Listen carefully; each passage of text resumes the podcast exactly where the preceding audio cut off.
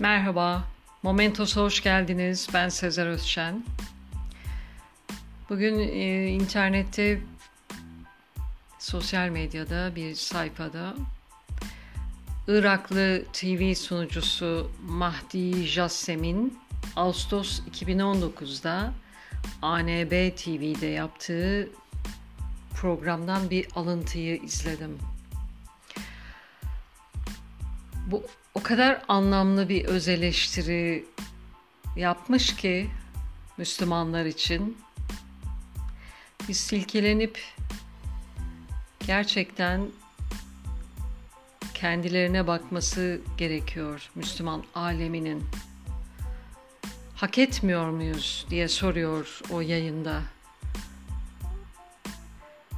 Medeniyetlerin başlangıcından itibaren yönetici sınıflar halk kitlelerini dini kurumlar ve mistisizmle istedikleri gibi yönlendirmişlerdir.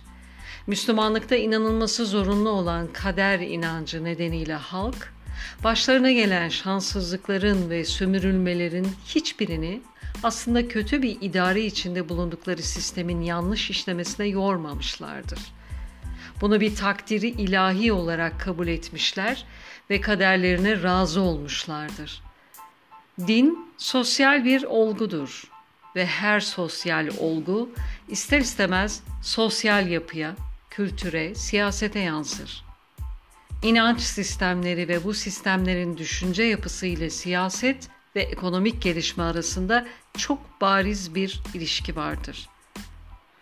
İlahi düşünceyi yaşamın salt odağı haline getirip rasyonel ve bilimsel düşünce sistemine yüz çevirmek geri kalmışlığın ana sebeplerindendir. Mesele rasyonel olmak veya olmamak meselesidir.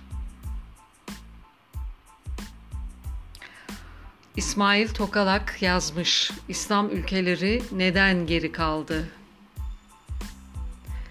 Dünya Demokrasi Endeksinde yer alan 167 ülke arasında Müslüman nüfusun yoğun olarak yaşadığı ülkelerin tamamına yakını listenin altlarında yer alıyor. Listede 103.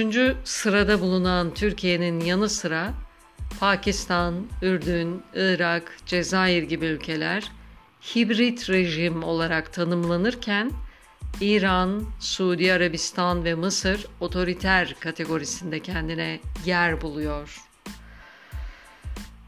Diğer yandan Gallup'un Mısır, Fas, Pakistan ve Endonezya'da yaptığı bir araştırma Müslümanların üçte ikisinin tüm İslam ülkelerini birleştirecek bir hilafet sistemini desteklediğini gösteriyor. Bu kaynakları başlığa yazacağım. Araştırmak isteyenler ve videoyu özellikle izlemek isteyenler izleyebilir, bulup izleyebilir. Dinlediğiniz için teşekkürler. Hoşça kalın. Momentos'ta kalın.